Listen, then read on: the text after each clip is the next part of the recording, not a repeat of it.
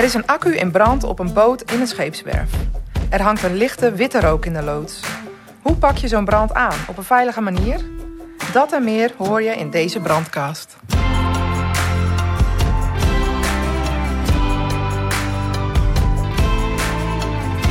Leuk dat je luistert naar de brandcast van de VRU. Mijn naam is Fanny Spierenburg. Elke aflevering bespreek ik één incident en de lessen die we daaruit kunnen leren. Welkom bij deze nieuwe aflevering. Vandaag zijn Oscar van Kouwen en Jeroen Keizer te gast. Oscar was OVD tijdens het incident dat we gaan bespreken. Jeroen is programmamanager van de energietransitie binnen de VRU. Oscar, je komt vertellen over een brand in een elektrisch aangedreven boot. Laten we beginnen bij het begin. Wat was de melding? Ja, dat was een uh, elektrische boot. Stond in de brand in Vinkenveen bij een scheepswerf. Scheepswerf Kok.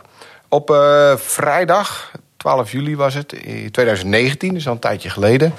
Uh, de melding was ja, bootbrand of bedrijfsbrand.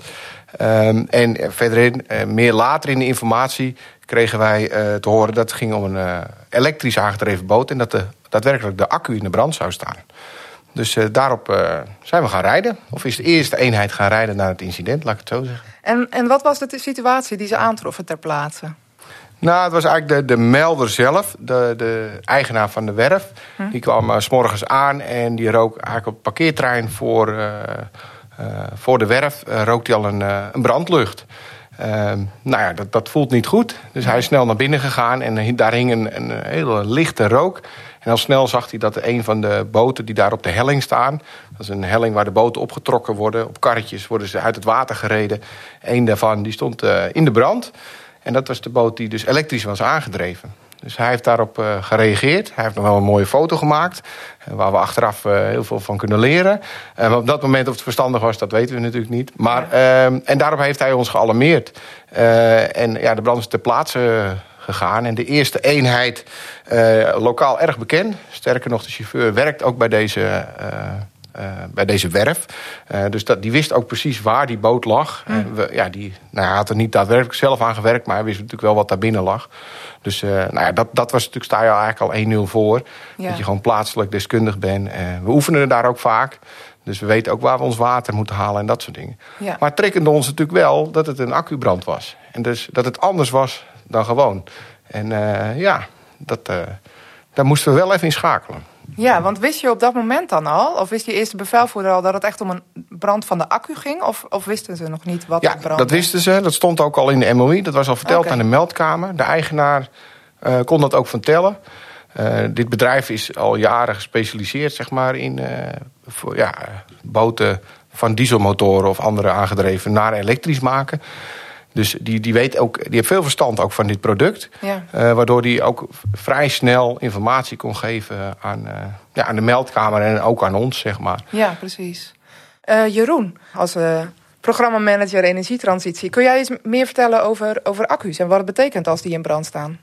Ja, lithium-ion accu's waar we het nu over spreken... dat is iets anders dan de loodaccu's die we kennen. wat specifiekere risico's met ontledinggassen... Uh, die uh, brandbare gassen die vrijkomen als daar een, een zogenaamde terminal runaway bij ontstaat. brandbare gassen, ontledingsgassen, waterstoffluoride, giftige stoffen en bijtende stoffen, ook met zoutzuren en dergelijke, die vrijkomen. Dat maakt het anders dan een gewone brand die we bekend zijn met loodaccu. En vooral ook de zichtbaarheid. Omdat daar met name een, een, waar we normaal gesproken een zwarte rook gewend zijn bij brand, dat we nu een witte uh, rook zien. En nou ja, dat geeft niet altijd gelijk de trigger bij een iedere van ons uh, binnen de repressieve dienst ook. Van hey, we hebben te maken met een lithium-accu-brand. Je, je, spreekt over uh, hè, prikkelende effecten en zo. Heeft dan die eigenaar, had hij daar ook last van? Of ehm, heb je daar hem verder niet meer over gehoord? Nou, de, ik denk dat de adrenaline heel hoog was. Ja. en dat, ze, dat dat ook zeker... Uh, ja, er hing heel weinig. Hè. Uh, het is een hele grote hal in verhouding uh, met wat, wat er brandde. Ehm, dus ik denk maar wel degelijk dat hij daar last van heeft gehad. Hij is ook niet al te lang binnen geweest, zoals hij zegt, en naar buiten gegaan. Uh, maar het was niet dusdanig dat we bijvoorbeeld ambulance lieten komen of dat soort dingen. Nee, nee, precies. Maar dat die, die rook waar Jeroen over spreekt, dat was echt het beeld dat wij ook hadden. Een lichte witte rook die, daar, die daar hing, zeg maar. Ja. En wat is het plan wat, wat er vervolgens is gemaakt? Nou, we, we uh, wisten dat we daar dus naar binnen gingen in, uh, om zoiets te blussen. Dat we, ja, het was ook 2019, hè, we waren nog wel iets minder kennis dan nu, denk ik. Maar we wisten wel dat we veel water nodig hadden. Dus het is uh, echt een plan gemaakt om met lage druk naar binnen te gaan. we hadden toen nog onze oude tankauto hè, met hoge druk. Ja. Dus die hebben we laten liggen. Nou, dat, dat, zeker twee jaar geleden was dat een, een andere beslissing. Hè, want toen nou, was de beslissing veel logischer dat we altijd hoge druk pakken. Dus we hebben bewust voor gekozen, de bevelvoerder om over te gaan op lage druk. De open water was daar mogelijk. De auto goed te parkeren voor open water. En zo eigenlijk ja, aan de slag te gaan om daar die brand te gaan blussen. En wetend dat het om die elektriciteit... Ja, en het was, net wat ik zei, twee jaar geleden. Dus we waren nog iets onwetend. Dus we zijn heel voorzichtig zijn ze te werk gegaan. En die hoedanigheid is ook gelijk, heeft de bevelvoerder opgeschaald met een OVD en de AGS. Ja. Dus die zijn ook wel iets later, maar wel voor in het incident gealarmeerd. Uh, over deze ook te plaatsen gegaan, dat was ik zelf.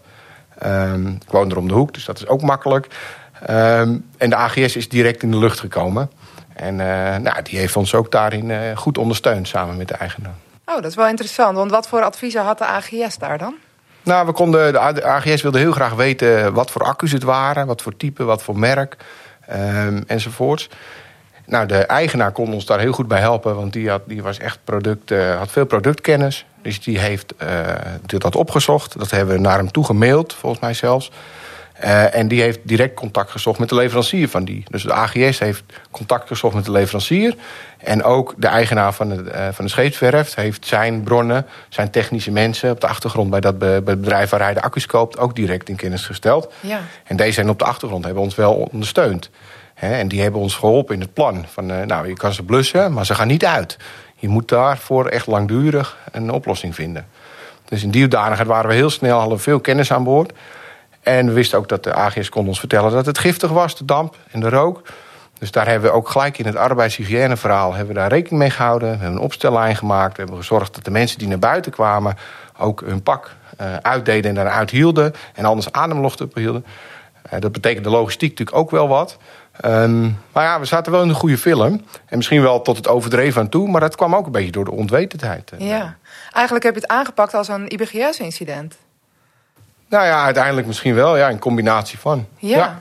Is dat ook wat je, wat je adviseert om dit soort branden zo aan te pakken als IBGS-incident? Nou, het is uh, lastig. Hè? We hebben, enerzijds moet je hem uh, wel beschouwen als een IBGS-brand, maar wel een IBGS-brand uh, of een IBGS-inzet waarbij brand bij betrokken is. Ehm, dus we denken altijd vaak in de film dan bij een IBGS-inzet, dan werken we aan de vuilwerkpakken. Nou, ehm, dat kan in deze niet.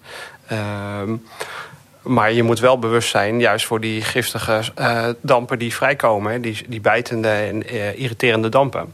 Uh, waarin je wel ook uh, volgens de IBGS je aanpak het moet doen met een hot, warm en cold zone. En op zo'nzelfde manier ook het incident dan ook afhandelt. Ehm, Waarbij je uh, ook juist ook wel let op het moment als je bijvoorbeeld die accu uh, wat later in, de, in het incident uh, gedaan is, dat je die veilig stelt. dat je dat met een chemicaliehandschoenen bijvoorbeeld dan gaat doen. Omdat je met ja. stoffen hebt te maken waar die uit die batterij nog kan lopen. Die zorgen voor irritatie aan, aan je handen en, en, en bijtend zijn. En um, ja, hoe, hoe is het vervolgens gelopen, Oscar? Want jullie gingen veel water gebruiken. En maar je wist dat de brand niet uit zou gaan? Ja, nee, we, ze hebben geblust en uh, ze hadden voldoende water bij. Dus de brand was eigenlijk snel onder controle. Um, wat je natuurlijk wel, uh, wat een bijzak is, uh, een, boot is natuurlijk waterdicht. Dus alles wat je erin gooit, dat blijft ook in de boot. tot op zekere hoogte. dus, dus, dus we hadden wel even de tijd. Maar het water wat eraf komt, ja, konden we dat zo uh, het is een helling, dus dat loopt eigenlijk dan weer terug het water in de plas in. Dus we hadden ook als OVD had je wel de overweging... moet ik ook nog iets met waterschap en milieuverontreiniging. Uh, daar hebben we over nagedacht, maar we dachten... zolang het water in de boot blijft, dan uh, houden wij het bij elkaar. En ze hadden niet zo heel veel water nodig om de brand echt onder controle te krijgen... of in ieder geval de vlammen eraf te krijgen. Maar ja, toen zijn we teruggetrokken. Toen hebben we een nieuw plan gemaakt. Wat gaan we nu doen met die accu's? Hoe, hoe gaan we dit incident nu oplossen? Uh, dat is zeker in overleg gegaan met de AGS ook. En dus de experts op de achtergrond. Van hey, wat willen we? Nou, we moesten ze 24 uur onderdompelen. Dat was het middel.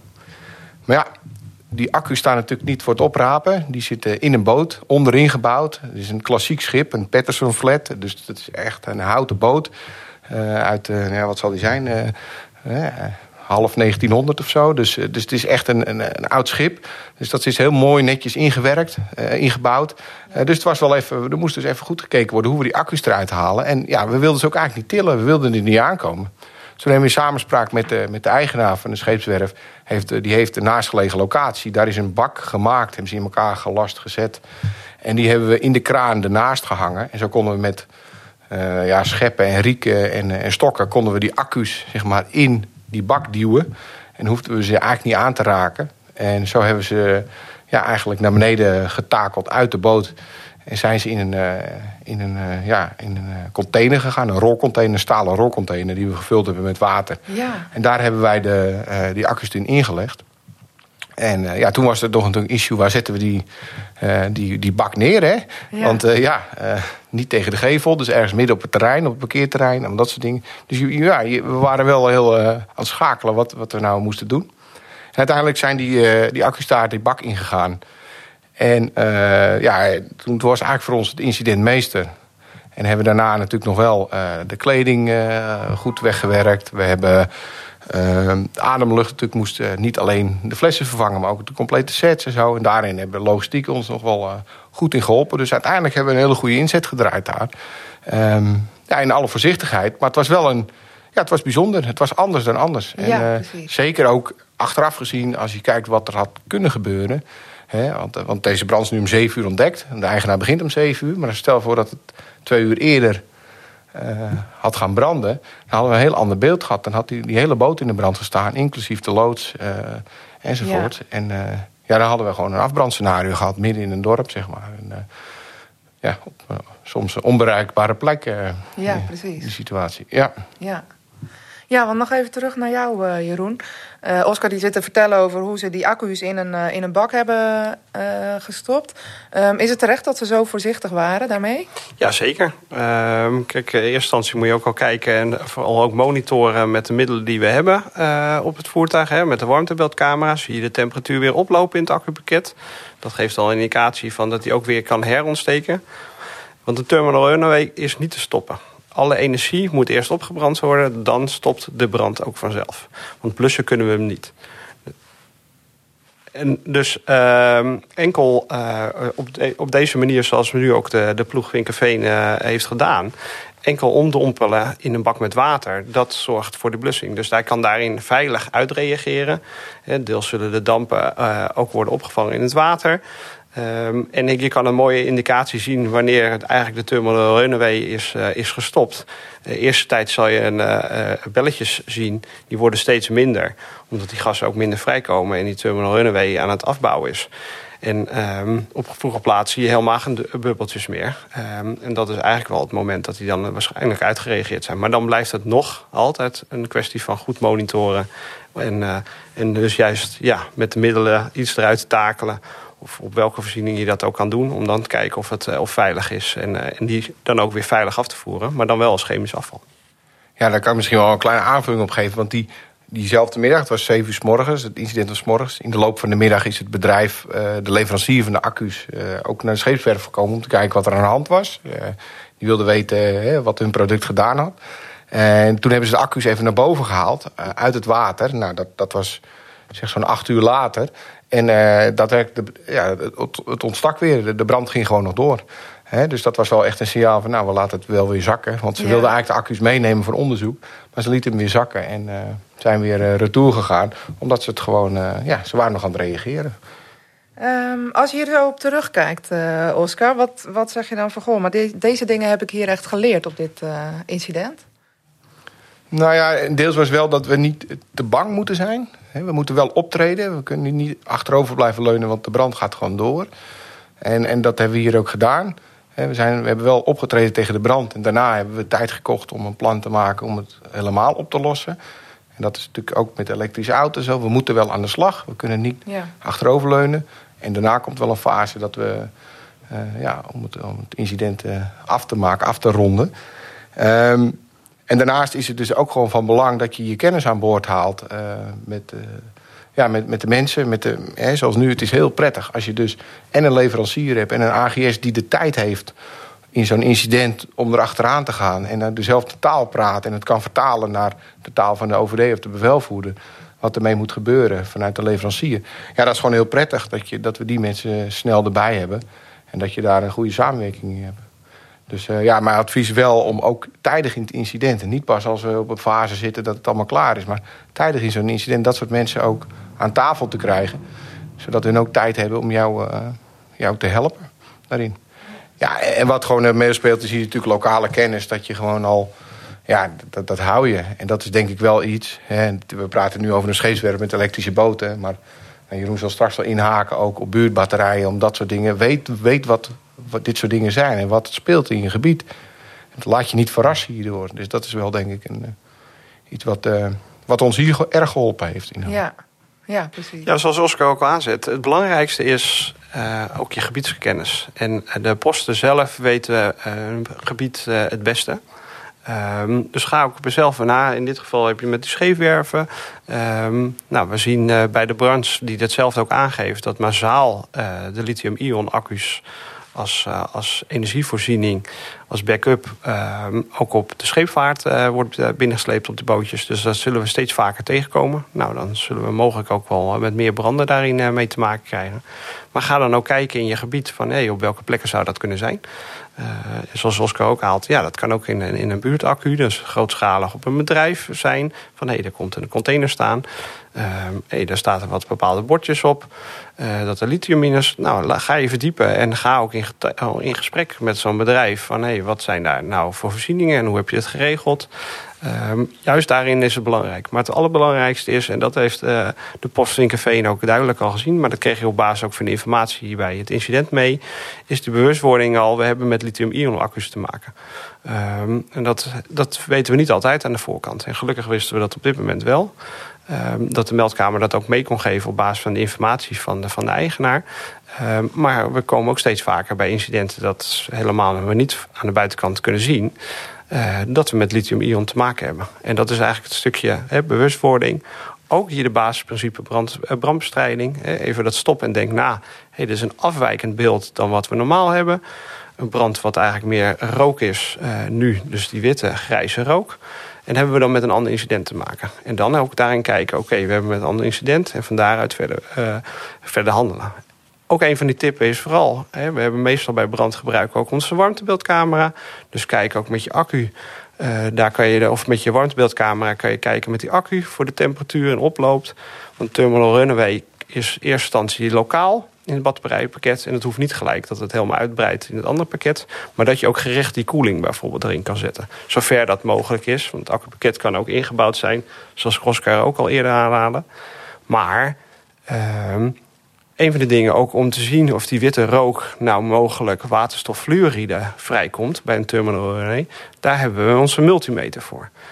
En uh, waterstoffluoride heeft een kruisgevoeligheid uh, met onze CO-cel uh, in de multimeter. En daarmee kan je ook waterstoffluoride als kruisgevoeligheid meten. Waardoor je dus ook een indicatie hebt van... hé, hey, mogelijk heb ik hier met waterstoffluoride te maken zo zijn er op, verschillende manieren dat je kan kijken van hey, wat hebben we met een incident te maken. Um, en mogelijk is dat dus daar lithium-ion bij betrokken.